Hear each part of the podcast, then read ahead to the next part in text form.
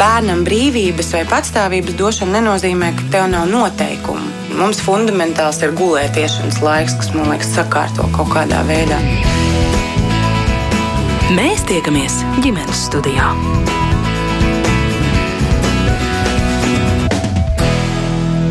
Labdien! Jautājums, vai ir iespējams objektīvi novērtēt skolēnu zināšanas, vienmēr bijis aktuāls, kā uzsver izglītības kvalitātes valsts dienas darbinieki. Pēdējo trīs gadu laikā pieaudz bērnu vecāku sūdzību skaits par vērtēšanu. Nu, sūdzības, piemēram, par to, ka ieraksts žurnālā nav vērtējuma, tiek pārvērsts par nesekmīgu atzīmi, par skolēnu tiesībām labot vērtējumus, kas viņus neapmierina, par to, ka atzīmes tiek izlikts subjektīvi atkarībā no skolotāja patikas vai nepatiks pret skolu skolēnu. Izglītības un zinātnes ministrija lēmusi sakārtot šo, nosakot objektīvus vērtēšanas kritērijus, kuri būtu saistoši visām skolām. Vai tas maz iespējams, par to es Mairita Znoteņa plašāk skaidrošu sarunā ar skola 2030 mācību satura izstrādes vadītāju Pāvelu Pestovu. Labdien! Labdien! Pāvēl šeit pie mums studijā, bet pat tālrunī mūsu sarunā piedalīsies Jelgavas Spīdos ģimnāzijas direktore Ilze Vilkārse. Sveicināti arī Alsungas pamatskolas direktore Undīne Priedoliņa. Labdien. Un Cēsu jaunās skolas direktors, arī vēstures skolotājs un arī Cēsu novada domas izglītības kultūras un sporta komitejas priekšsādātājs Ivo Rode. Labdien, Labdien arī jums, bet vispirms vēršos pie Pāvela. Nu, ik pa laikam tiešām šim jautājumam tiek pievērsta uzmanība, un pēdējo reizi šķiet, kad skolā sāka ieviest pilnveidoto mācību saturu un pieeju. Varbūt atgādiniet tos pamatprincipus, kādi ir spēkā šobrīd vērtējot skolēnu. Jā, es domāju, ka uh, mums ļoti kritiski bija uh, domājot par pilnveidotā satura ieviešanu, protams, pievērst uzmanību tādam no stūrakmenim un īstenībā no vienam no fundamentāla mācību procesa faktoram - vērtēšanai. Un, protams, uzsvars bija uz to, kā tad mācību procesā atbalstīt skolēnu, sniedzot atgrieznisko saiti, kuru viņš reāli varētu izmantot, lai iemācītos vairāk. Tas varētu būt cits uzdevums, tas varētu būt komentārs, tas varētu būt detalizēts skaidrojums, bet galvenais mērķis nu, vērtēšanas procesā ir, protams, sniegt tādu atgrieznisko saiti, kura reāli ir izmantojama. Šobrīd, kā jau pareizi teica, ir, ir aktualizējušies vairāki jautājumi. Tie nav pilnīgi jauni noteikti. Uh, tieši sakarā ar vērtējumiem, jeb atzīmēm. Mm -hmm. Jā, bet vispirms tiešām lūgums izskaidrot, jo nu, nav jau vairs tā, ka ir tikai šis šobrīd skolēnu vērtēšana, tā tāda atzīme skalā no 1 līdz 10. Tur parādās arī tādi jēdzieni, kā nu, tas saucās summatīvais vērtējums, bet ir arī tā tāda formatīvā vērtēšana, ir diagnosticējošā vērtēšana, mm -hmm. Ko šis nozīmē? Vai skolēni paši to zina, un vai vecāki to zina? Jā, nu, gribētos domāt, ka skolotāji noteikti ir tie, kas eh, ļoti labi pārzina. Eh, mēs esam eh, arī aktualizējuši kopā ar kolēģiem, ka ir ļoti nozīmīgi, ka skola proaktīvi komunicē savu vērtēšanas sistēmu un, piemēram, uzsakoties mācību gadam, arī atgādina vecākiem ar ļoti īsu, piemēram, e-pastu vai no e-klasa vai no maikuba Tātad, kāda ir šis skolas tātad, pieeja?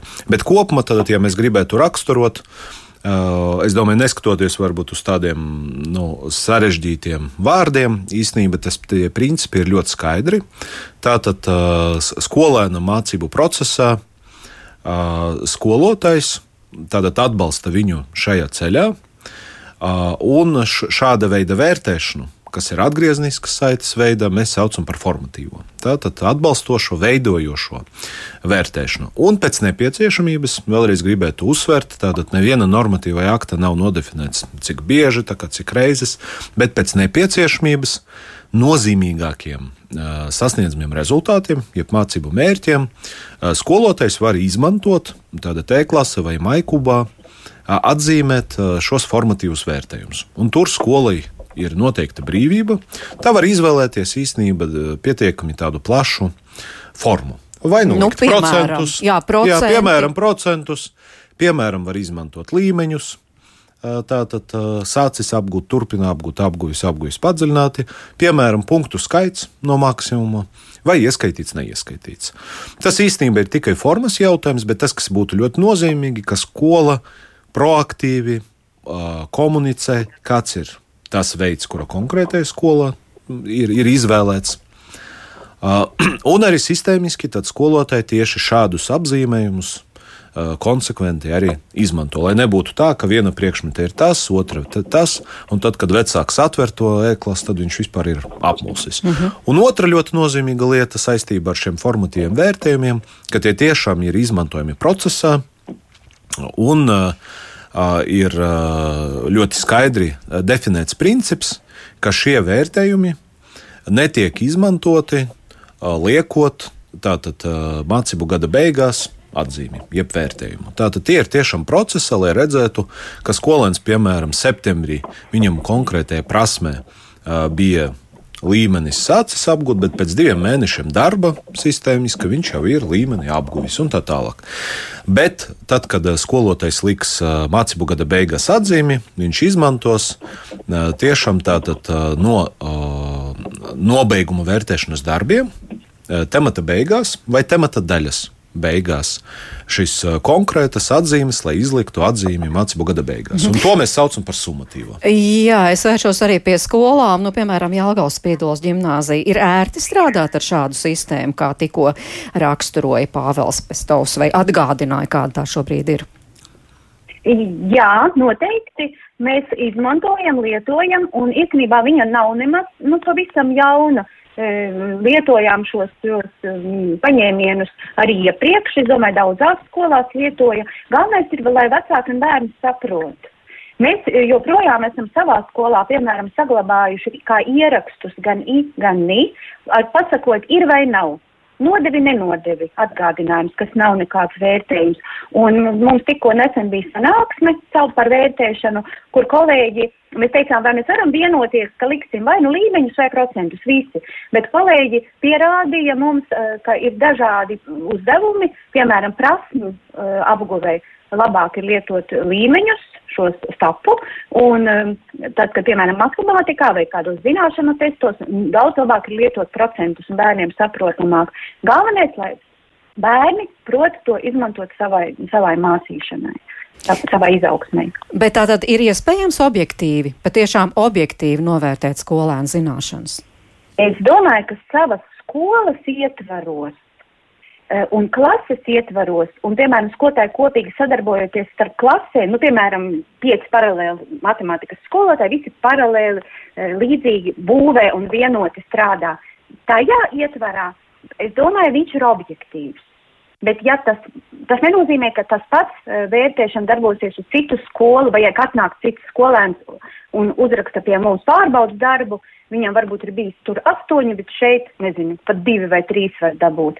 Jo viņam ir, nu, skolotājs jau ir bērnu pieredzinājis pie, pie kaut kādām noteiktām prasībām, pie prasmēm, kas jāatspoguļo, ir iespējams citādāk būvē uzdevumus, un tas ir, manuprāt, sarežģītākais, un tas arī mūs uztrauc gatavojoties eksāmeniem. Uh, nu, paš, pašlaik, kad jaunais saturs ir tikai ceļā.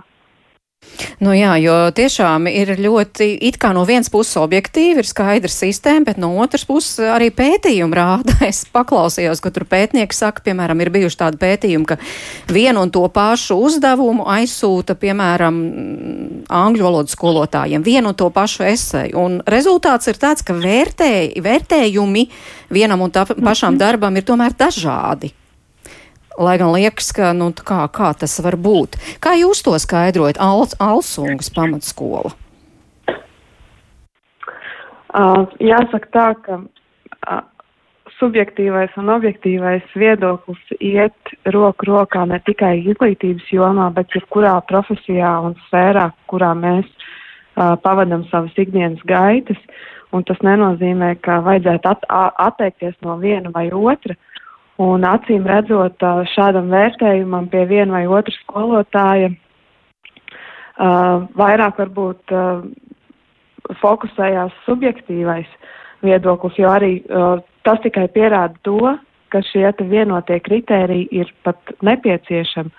Un viens solis jau pretī ir spērts ieviešot jauno kompetenci saturu, kaut vai nosakot vienādu snieguma līmeņa aprakstu.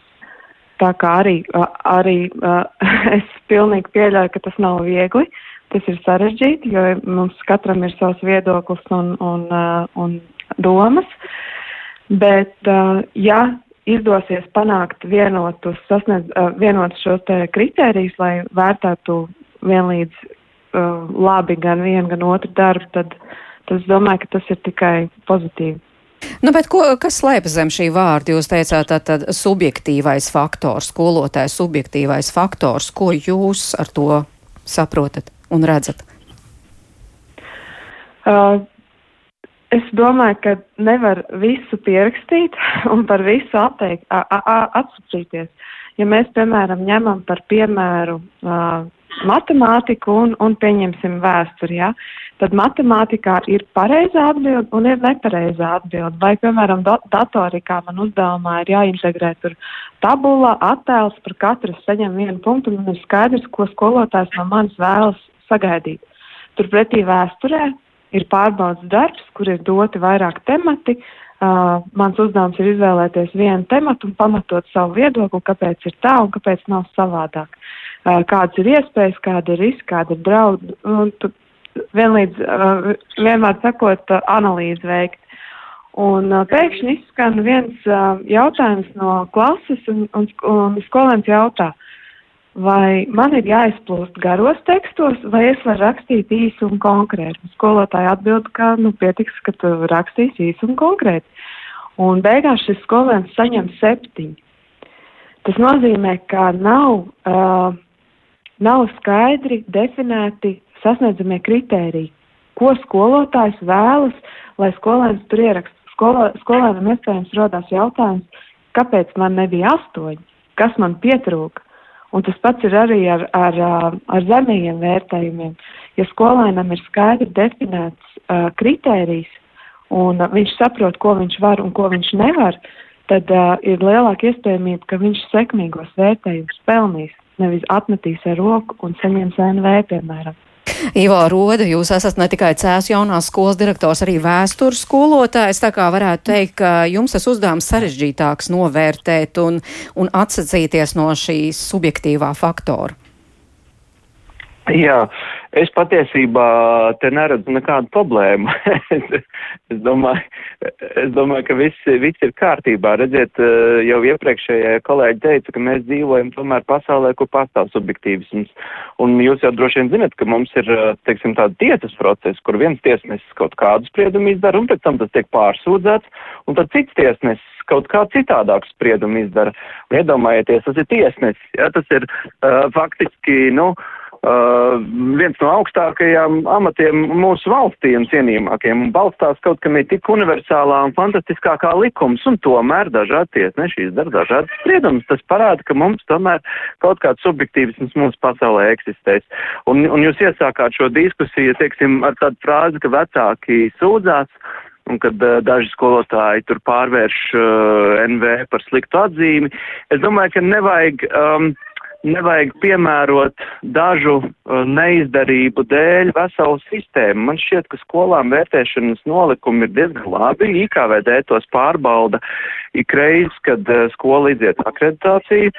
Un uh, faktiski, nu, e, es tajos arī tos, ko esmu lasījis, tur, nu, neesmu redzējis, ka kādā vērtēšanas, vērtēšanas nolikumā būtu kaut kas tāds, nu, tāds nepareizs vai galīgi garām. Nu, katrai skolai sava tādā unikālā pieeja, kā viņi šo, šo jautājumu risina, kas iziet no, no tā, kāds ir viņa kolektīvs. Un, uh, un, un faktiski man, man viņi visi liekas šie vērtēšanas nolikumi ļoti labi, bet, protams, ka pastāv kaut kāds subjektīvisms, un, un ik pa laikam vecāki saka, ka viņiem nav tas skaidrs vai nav šitais skaidrs, bet patiesībā mēs savā skolā regulāri veicam skolēnu anket, anketēšanu, un Mēs redzam, ka skolēniem viņu vērtējums pārsvarā vienmēr ir skaidrs. Un ja šie vērtējumi, ja ir vienošanās kolektīvas starpā, ka vērtējumi vienmēr tiek pārunāti ar skolēniem, ka kritēriji vienmēr tiek pārunāti, katram darbam kritēriji ir, ka tiek pārunāti ar par paraugiem un piemēriem, un ka darbs, eh, darbs tiek veikts, teiksim, kļūdu labojums. Nu, šādām situācijām, kurā kāds kaut ko nesaprot, par ko viņam ir eh, bijis vērtējums, nu, nevajadzētu būt. Tā kā es domāju, tas drīzāk ir tāds skolas uh, kultūras jautājums, un man liekas, ka tas uzdevums, uh, ko Valsts izglītības satura centrs kopā ar ministriju grib izdarīt, veidot šos vienotos kritērijus, um, novedīs pie tā, ka kritēriji jau varbūt būs labi, bet būs jau daži sprukstiņi, uh, kuri vienkārši tos neievēros vai nesapratīs vai darīs kā citādi, un tad jau tas ir nu, direktoru uzdevums. Teiksim, iepriekšējā kolēģe runāja, ka, ka skolēns saņēma septiņi, nu skaidrs, un, un nesaprot par ko, nu skaidrs, ka tad skolotājs nav pareizi nokomunicējis ar šo skolēnu, nu tad direktoru uzdevums, protams, ir ar šo darbinieku runāt un, un viņam skaidrot, kā tad viņam savu vērtēšana ir jāorganizē. Tā kā es tādu valstisku problēmu neredzu, redzu tikai tādu lokālu, ka tas ir darbs ar savu uh, kolektīvu. Mhm. Jā, bet nu, skatoties no valstiskuma viedokļa, varbūt tomēr ir vērts padomāt par to, kā tomēr to padarīt objektīvāku un tieši saskaņojot starp dažādām izglītības iestādēm. Jūs te runājat katrai izglītībai, katrai mācību iestādē sav, savs eh, šis eh, vērtēšanas standarts, bet varbūt, ka vajadzētu valstī kopēju. Un par to es pārliecinājos sarunā ar Tatjānu un viņas dēliem 11. klases skolnieku Arti un 9. klasnieku Justu pamatskolā skolā. Viņi mācījušies netālu no mājām, esošajā, kā viņi paši saka, ciematskolā, un tagad mācās valsts gimnāzijā. Vai tas ir sarežģītāk, vai šī vērtēšanas sistēma vienā un otrā skolā atšķiras? Nu, lūk, vērtē jaunieši un arī viņu mamma. Nu, vienīgā atšķirība, ko es esmu saskatījis, ir um, līmenis.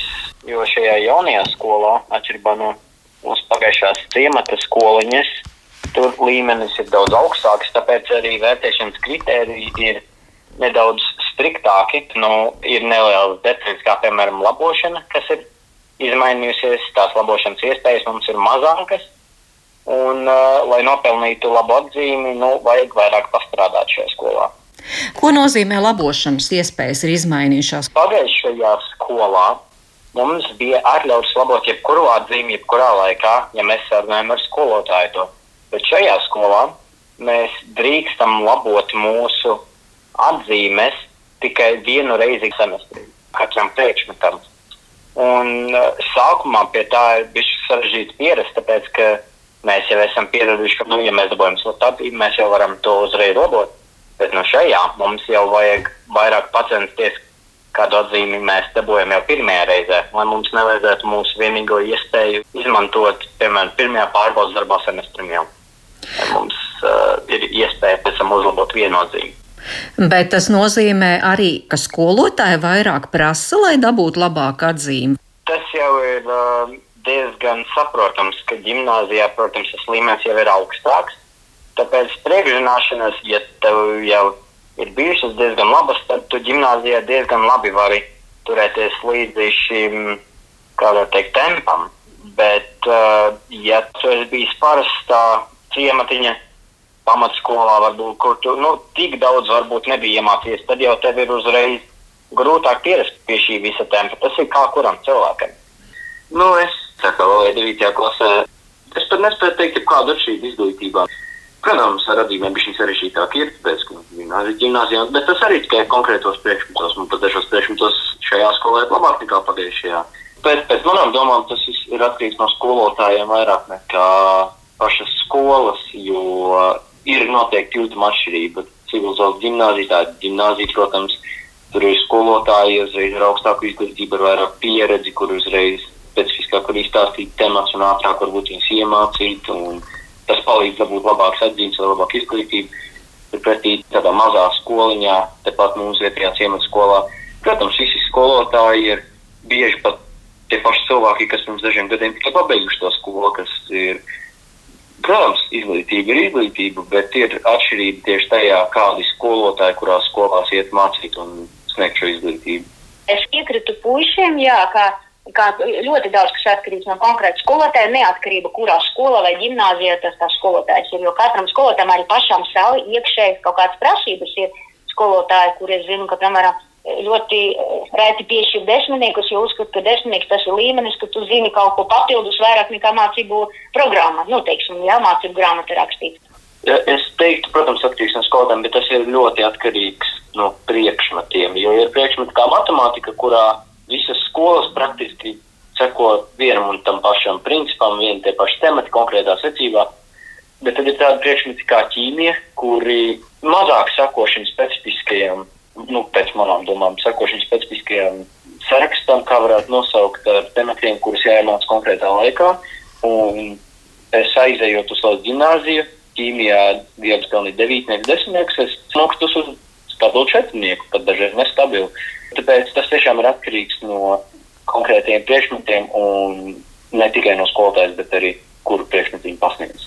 Nu, bet jūs redzat, ka šajā sistēmā vajadzētu kaut ko uzlabot? Nu, vērtēt vajag, bet man šķiet, ka šeit varētu vēl klāt tādā gadījumā, ja ir kaut kāds līmenis šajā sistēmā, tādu to bērna pašvērtējumu pielikt klāt. Lai viņš um, saprot, un vai viņš pats sevi novērtē, vai tik tiešām viņš nopelnīs, piemēram, to to, to atzīmi, jā, un, un priekš viņa tā ir, tā ir gana laba. Nu, bieži vien ir tā, ka ieliek atzīmi, un tu, tur ir vienkārši tas kaut kāda sausa cipari, tur procenti, jā, ka tu izpildīji tādu uzdevumu, izpildīji šādu novilku tev par to, ka tu nepareizi noformēji vai nesapratām uzrakstīji kādu vārdu, jā. Un tad tam, tam bērnam ir tāda nu, neizpratne. Jā, tas ir nenormāli svarīgi, lai tur pareizi noformē un pareizi piemēru uzrakstīju un atbildi. Jā. Man patīk tas, ka maz pirmā klasē nu, nav tas atzīmes ka tur ir aprakstoši, ja vecāki ir no slinkums, viņi to izlasa un viņi izprot. Un, un, es nezinu, varbūt ir kādi priekšmeti, kuros atzīmes nevajag. Vai kaut kāda cita veida vērtējuma. Specifiski ideja, kā to izdarīt, nespētu dot, bet es domāju, noteikti viena problēma, ko varētu atrisināt, katra skola individuālās spējas. Artim dod man padodas valodas, man valodas nekad dos, man padodas matemātika. Ja savā klasē es varu dabūt matemātikā devītnieku, tad kāpēc kāds, kurš šo tematu, kurā es dabūju devītnieku, nesaprot, kāpēc viņi tiek vērtēti tieši tāpat kā es? Es domāju, tur vajadzētu būt kaut kāda. Es negribu teikt atdalīt, bet, ka, nu, protams, viena klasa viens līmenis, jā, jāiemāc to pašu, bet uh, bišķi vairāk uz individuālo, tomēr koncentrēties individuālajām spējām. Tas, es domāju, būtu svarīgi arī, lai atrisinātu kādas škrobas, kas varētu rasties vecākiem, piemēram.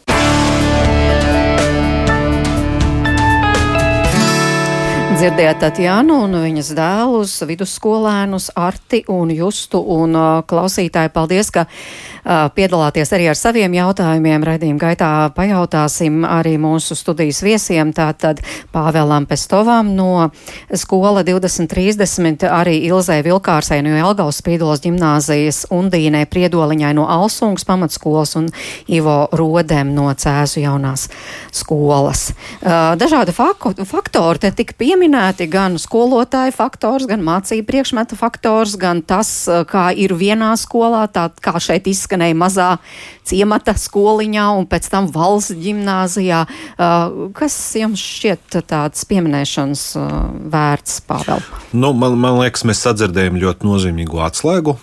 Tajā, ka, protams, skolai ir no tā panākumu atslēga pārmaiņam, ir tomēr skolas vadība un cik viņi nu, konsekventi ievieš jebkuras pārmaiņas, tā skaitā arī šīs. Tāpēc, protams, eh, ja kolēģis saka, ka mēs esam gan vienojušies, gan mēs esam komunicējuši, tas tikai nu, parāda to, ka tajā virzienā tiek strādāts. Ir skaidrs gan starp skolotājiem šie kritēriji, vērtēšanas kritēriji, gan arī skolas iekšēnē. Vienlaikus gribētu piebilst, ka, piemēram, tad, kad uh, tika veikta valsts līmenī aptauja, tā skaitā arī par vērtēšanu, tad tur, protams, parādās nu, tādas nozīmīgas tendences, kas, piemēram, ir saistītas, ka ļoti bieži skolotāji atzīmē, ka viņi ir izskaidrojuši vērtēšanas pieeju, kritērijus, skolēni tajās pašas skolas vidēji pasaka, ka viņi to ne līdz galam saprot. Ja, līdz ar to tas tikai nozīmē, ka uh, ir uh, iespēja vēl šīs prakses pilnveidot.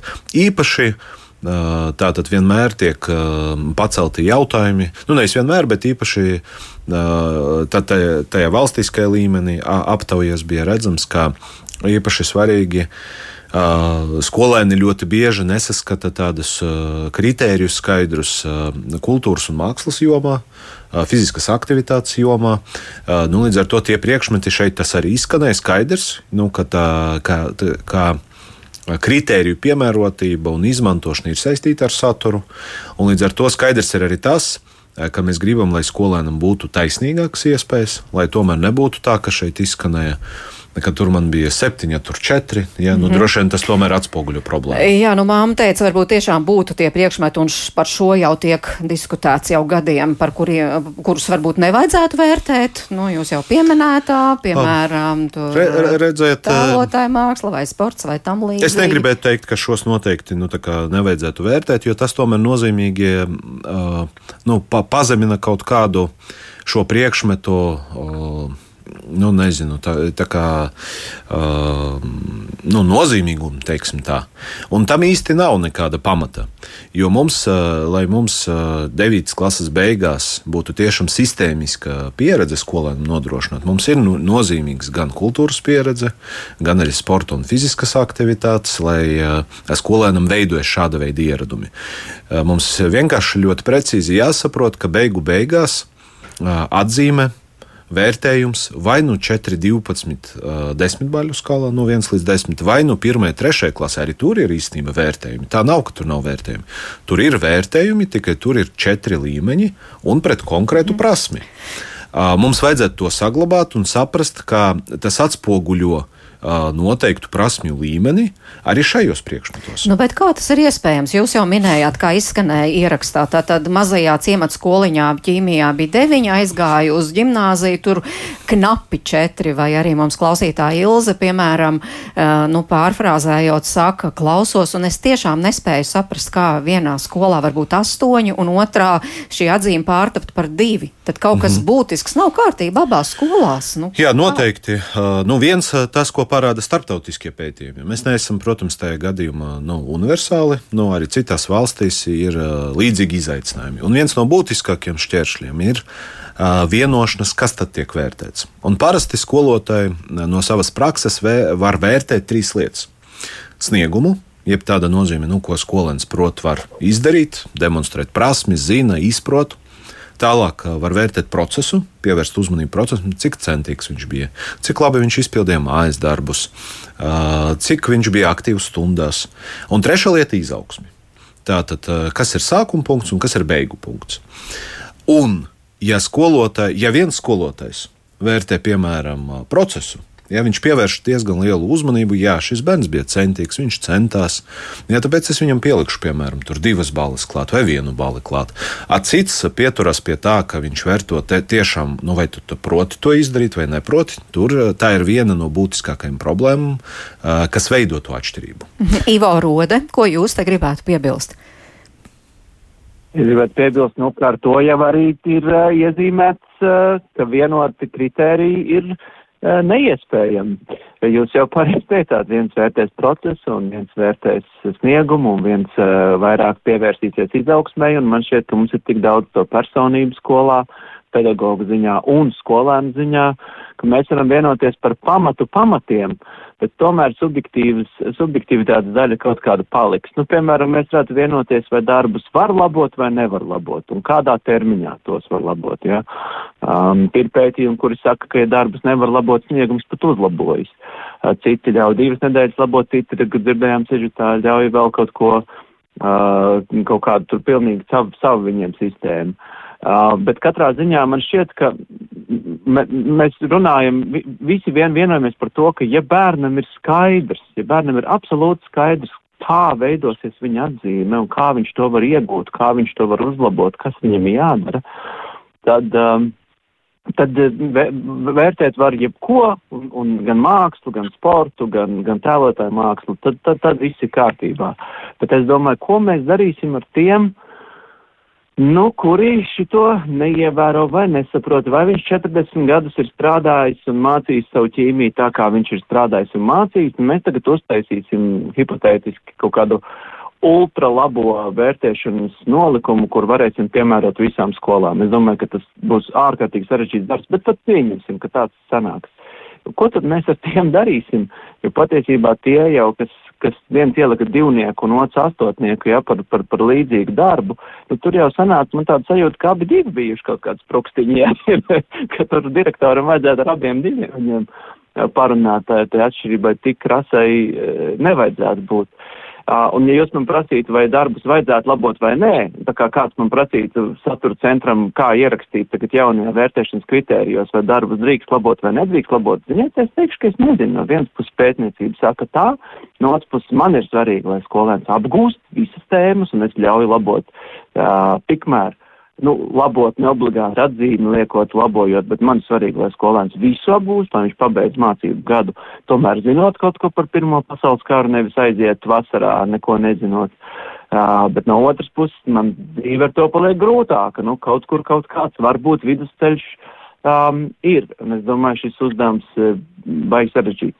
Es gan gribētu pie, pie tā ātri, pavisam, ka tā ir sižetā. Uh, sižetā, nu tur jau atkal izskanēja eh, sižeta beigās, jūs dzirdējāt, sižets sākās ar vēlmi pēc objektīvisma, bet noslēdzās ar vēlmi pēc absolūtā subjektīvisma. Respektīvi, skolēns teica, nu man nepadodas tur valodas, padodas matemātika, varbūt vajadzētu vērtēt mani kaut kā tā, kaut kā tur tā un šitā.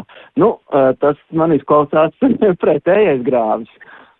Nu, protams, šis jautājums ļoti duāls un sarežģīts, un tieši tā, bet uh, varbūt atgādināšu klausītājiem, ka tiešām šobrīd ir tā izglītības un zinātnes uh, ministres un ministrijas uh, darbinieku iecerē tomēr objektivizēt šo procesu, un to starp citu ierosināja satversmes tiesas priekšsēdētāja Sanita Osipova, un viņa pirms kādu laiku tiekoties ar izglītības un zinātnes ministri Anitu Muižnieci skaidroja, ka pašreizējā skolēna sasnieguma vērtēšanas pieeja, kas ir atšķirīga, atšķirīga katrā izglītības iestādē, neļauj nodrošināt satversmes 91. pantā ietvērtās vienlīdzības prasības, un viņi uzsvēra, ka skolotāja brīvība ir metodēs, ar kādām viņi strādā, bet sasniegumu vērtēšanas kritērijiem jābūt vienlīdzīgiem, un tas nozīmē, ka tiem visā valstī ir jābūt vienādiem, neatkarīgi no tā, vai vērtējums ir saņēmts ģimnāzijā vai vidusskolā, un ir jābūt skaidri noteiktām robežām, kuras visām, visām skolām ir noteikts vienā vienādas. Uh, Alsungas uh, pamatskolas direktora Undīna Priedoliņa. Vai tas ir iespējams? Te no Ivo rodas tā skeptiski. Viņš teica, tas nav iespējams. Jā, es klausoties iepriekšējos runātājos, arī aizdomājos. Mēs esam mazā skola un situācijas ir dažādas. Tiešām ir tā, ka aizejot uz skolu, tas vērtējums ir krasi, varbūt zemāks, bet ir arī tieši otrādi situācijas, kur, kur varbūt uzrāda mazo skolu kvalitāti, varbūt kaut kādā mērā augstāku. Piemēram, mācību gadu laikā skolēnam ir tiesības mainīt skolu. Mainīt, mainoties skolai, mainās arī viņa adaptācija un viss pārējais, kas ir ar to saistīts. Un mainās arī šo priekšmetu skolotāju pieeja jo viņš ir visu laiku pieredzējis pie tās, pie tās, nu, tā kā jau sižetā iepriekš arī tur rādīja. Un tagad viņiem ir tās, tas pārmaiņu laiks, un, uh, un atšķirība ir arī ne tikai tajās sekmēs, bet arī kā, cik uh, varbūt disciplinēts skolotājs vada stundu, un arī tas ietekmē šo te rezultātu galu beigās. Un ko es vēl tā aizdomājos par, par mākslas jomas priekšmetiem iespējams tas man attēls atmiņā manas skolas gadus, kad, kad klases biedri iesmēja par to, ka vizuālajā mākslā darbs vērtē man patīk vai man nepatīk. Jo, nu, ja tev pašam patīk šis darbs, tad tu esi pelnījis labāk atzīmi, nu, apmēram tā. Un mani priecēja tas, ka uh, šīs pārmaiņas virzās un par to runā. Un tas nenozīmē, ka gadu laikā vai divu gadu laikā kaut kas uh, krasi mainīsies, bet mēs ejam ceļu, uh, kur ir šis vienotais, uh, vienotā struktūra. Un ne tikai domājot par skolotāju pieredzi un, un labo ietekmi, bet arī par to, kā mainās skolotāju pieaugums. Uh, piemēram, tas ļoti labi palīdzētu jaunajiem pedagogiem, uh, kuri varbūt tikko ir iesākuši studiju gaitas, viņiem nav saprašanas par to, kā organizēt. Un uh, visticamāk paies divi gadi, kamēr viņš sapratīs, kā labāk, ko darīt. Bet ja viņam no augšas jau ir šie te skaidrie rādītāji, tad, tad, manuprāt, tas ļoti atvieglo un uzlabo uh, izglītības kvalitāti kopumā. Bet tas tad arī šie skaidrie kritēriji varētu arī izlīdzināt nu, šo, šīs atzīmes dažādās Jā, skolās, jūsuprāt? Jā, un arī, arī uh, ņemot vērā šo pandēmijas ietekmi, kad ir vērojams, ka vecāki arvien vairāk interesējās par to, ko viņa bērns māk, kas no viņa tiek gaidīts, ko viņš var. Un, uh, un tad, ja ir šie te kritēriji, tad uh, vecāks, kurš ir ieinteresēts un vēlas sekot līdzi, viņam ir uh, skaidrs tas, uz ko tas viss virzās, kaut vai ķīmijā, fizikā, matemātikā, nu, vienalga. Eh, gribu jautāt, eh, tātad Ilzai Vilkārsai, Jelgavas mm -hmm. ģimnāzija, vai ir iespējams izveidot šādus kritērijus, jo um, tiešām prasības, nu vismaz ir tāds, tāds varbūt mīts vai uzskats, tomēr valsts ģimnāzijā un vidusskolā atšķiras? Um, nevarētu teikt, ka prasības atšķiras, mm, bet atšķiras tas, ko no bērniem var sagaidīt. Un tas atbild uz to otrā puiša teikto, ka viņš vēlas šo individuālo pieeju. E, katra skola strādā ar skolēniem, redzot to viņa potenciālu. E, kas saka, nenorokot, iedodot spārnus, un dodot iespēju sasniegt arvien lielāku, līdz, nu, lielā, lielāku šo, šo sniegumu. Un es domāju, ka mm, viņa pat varbūt nav stingrāka tā atzīme vai kaut kā kritiskāka, bet vienkārši tas sagaidāmais rezultāts ir varbūt drusciņš dziļāks, drusciņš augstāks nekā varbūt bija pierast um, kādā, kādā citā skolā, jo bērni to var. Uh, par, par objektivitāti un uzliktiem vienotiem kritērijiem. Mēs eh, šodien arī vēl parunājos ar skolotājiem, teicu, nu, ko jūs gaidītu no tādiem vienotiem principiem. Un tad um, skolot, kopā ar kolēģiem nonācām pie tā, ka uh, īstenībā jau viss standartā ir pateikts. Standarts jau ved uz to, ko jāsasniedz ir.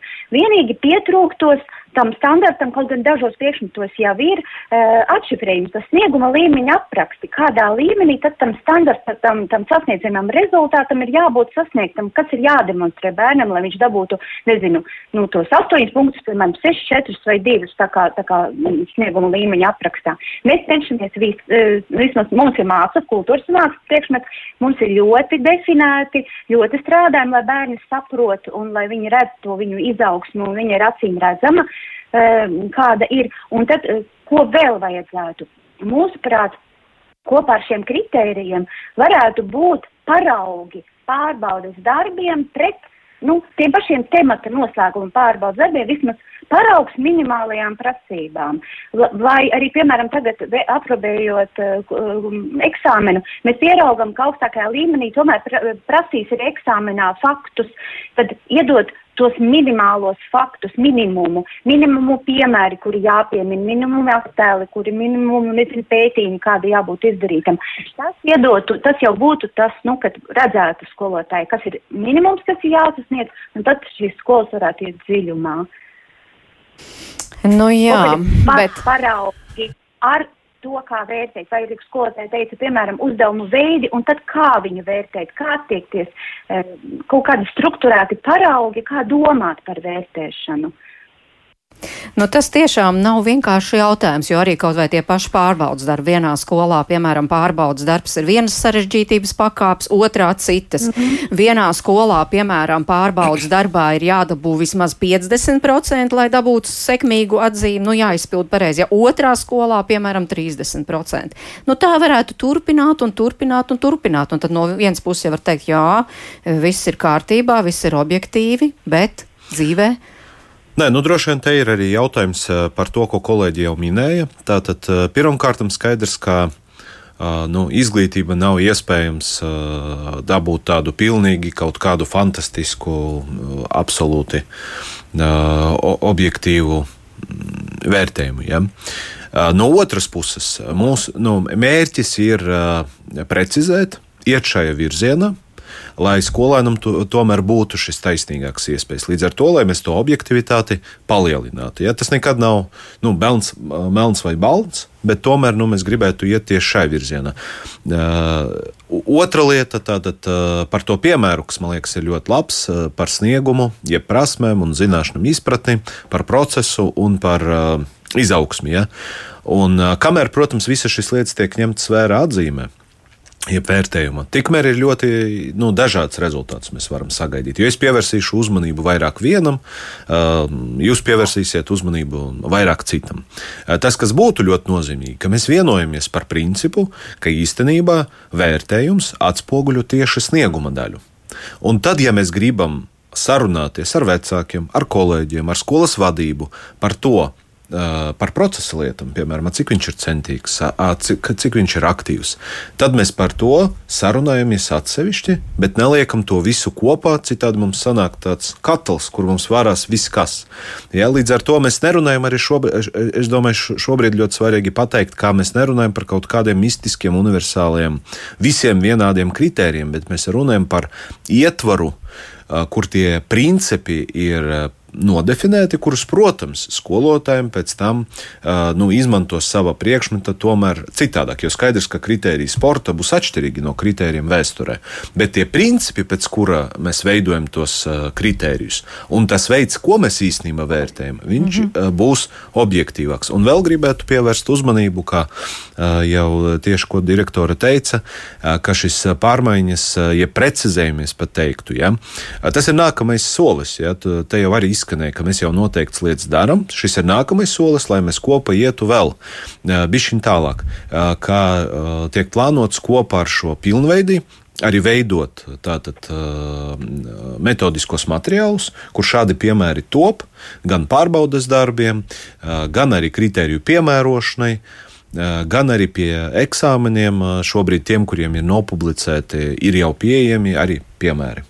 Ja, līdz jā. ar to tas būs kā vesels tāds komplekts, lai tieši atbalstītu šis pārmaiņas. Nu jā, Anita Mūžniec arī uh, publiskajā telpā jau ir tā kā uzsvērus, ka tā tad divi, divi veidu, divi divos virzienos tiek domāt, lai panāktu šo objektivitāti, proti, ka uh, katram desmit baļu skalas vērtējumam ir noteikti vienot mācību sasniegumu vērtēšanas kritērija, kā arī tas, uh, cik procentu no mācību vielas jāapgūst, lai iegūtu katru no vērtējumiem.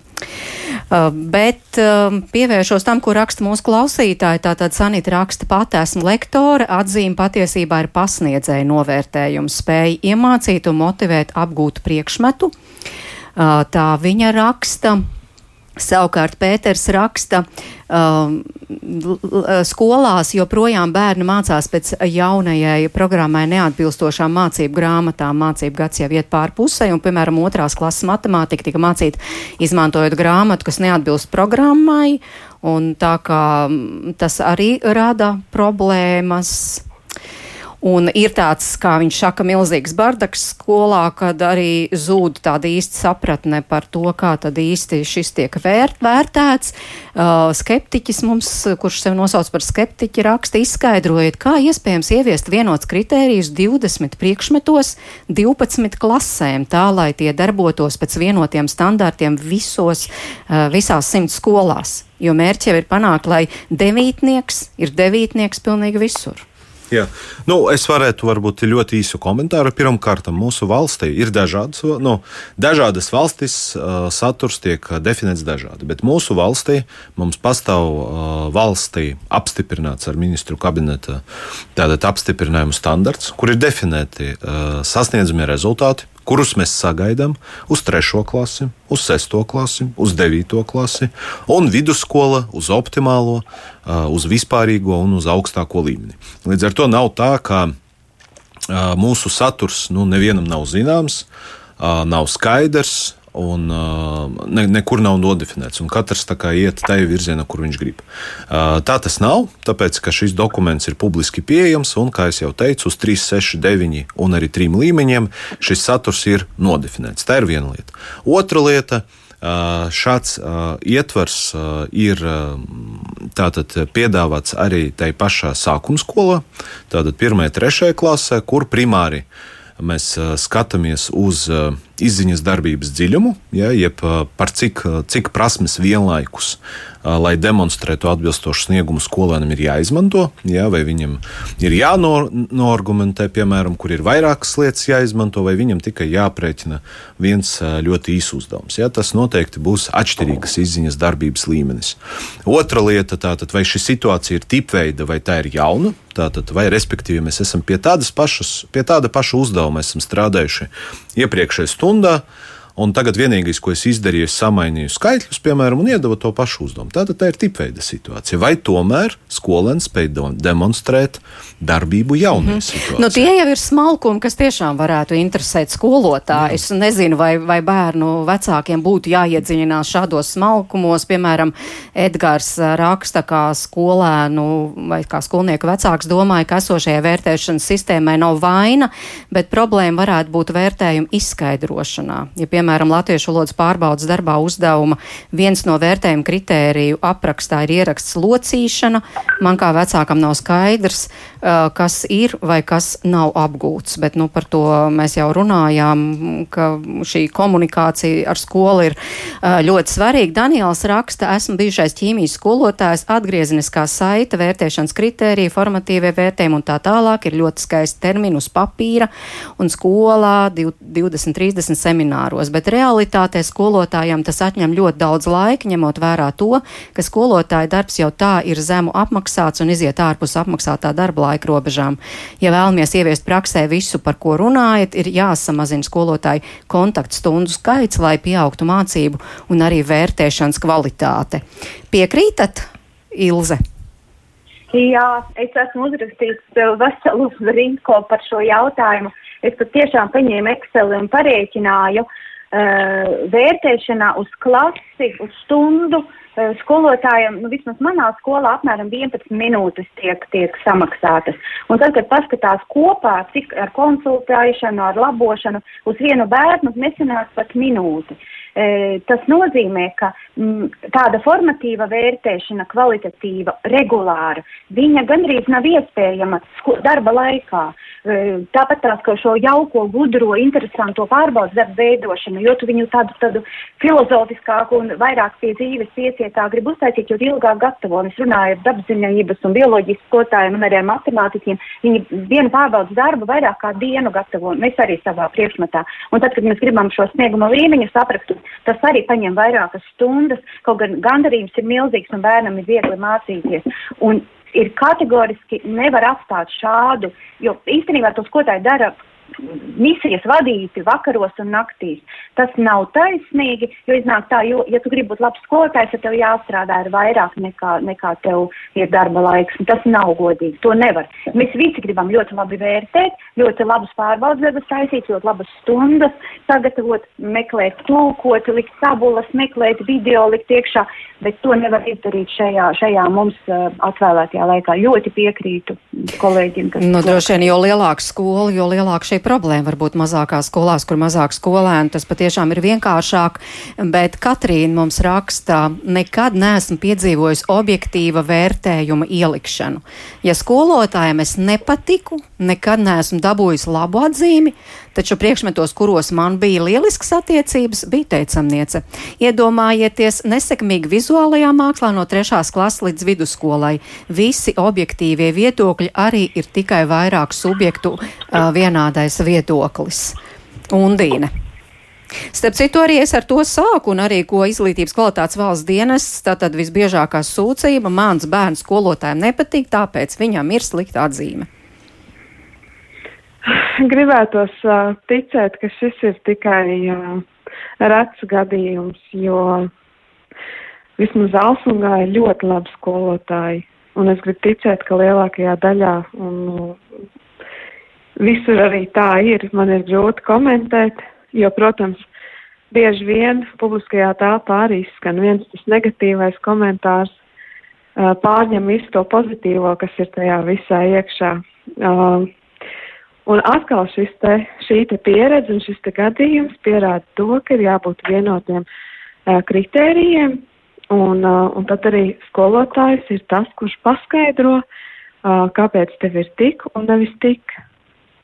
Nu jā, un ja skatāmies, ja skatāmies tieši uz tā skolēna ceļu, virzīšanos uz priekšu, nu tur varbūt arī skolēni ir tiešām ieinteresēti tajā objektivitātē, gan startējot, piemēram, uz valsts ģimnāziju vai arī pēc tam uz augstskolu, kur tad tā atzīme patiešām iegūst ārkārtīgi lielu jēgu un nozīmi. Es domāju, ka mēs katrs kā skolnieki esam kādreiz saskārušies ar tādām situācijām, Un arī man šķiet, ka, ka man tas vērtējums varbūt nebija tāds, kādā, kādā es patiesībā varu. Tā kā tās situācijas būs, un, uh, un es arī saprotu, ka tas jaunais ietvars neparedz izskaust pilnībā to subjektivitāti, bet padarīt caurredzamāku to objektivitāti. Un ar to arī, es domāju, jau ir pietiekami. Nu, tad Ivo jums galvārds, tad vajag vai nevajag? Jūs tā kā skeptisks par šo bijāt. es eh, vispār esmu skeptisks. Es domāju, ka vērtēšana, uh, vērtēšana, diemžēl, mūsu laikmetā kalpo kā agresīvā kapitālisma laikmeta tāds spoža izpausme, kurā mēs vēlamies kā vecāki un skolēni labus vērtējumus, jo tas uzlabo mūsu konkurētspēju.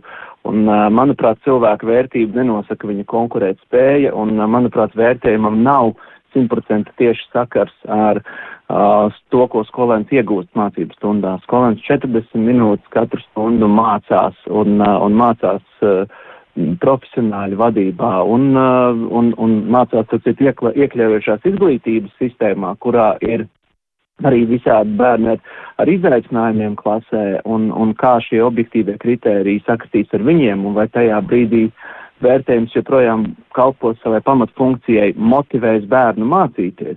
Manuprāt, tas ir vērtējuma pats pats pamats, pamats, pamats.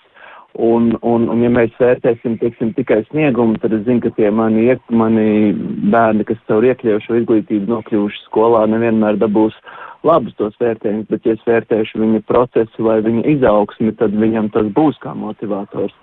Tā kā es domāju, e, vairāk uzmanības būtu jāpievērš uh, tam, kas notiek mācību stundās, mazāk domāt par savu bērnu konkurētspēju, bet viņu psihoemocionālo labklājību, bet uh, ministrijai un valsts izglītības atceres centram izstrādājot jaunos kritērijus. Es piekrītu, ka kaut par kaut kādām pamata, pamata lietām jāvienojas, Un tomēr es domāju, ka ņemot vērā, cik daudz iesaistīto pušu šeit ir, tas būs ārkārtīgi, ārkārtīgi izlaicinoši un, un novēl veiksmu un savu palīdzību, ja kādi kā var būt palīdzoši. Bet man šķiet, Jā. ka tas ir tuvu neiespējami.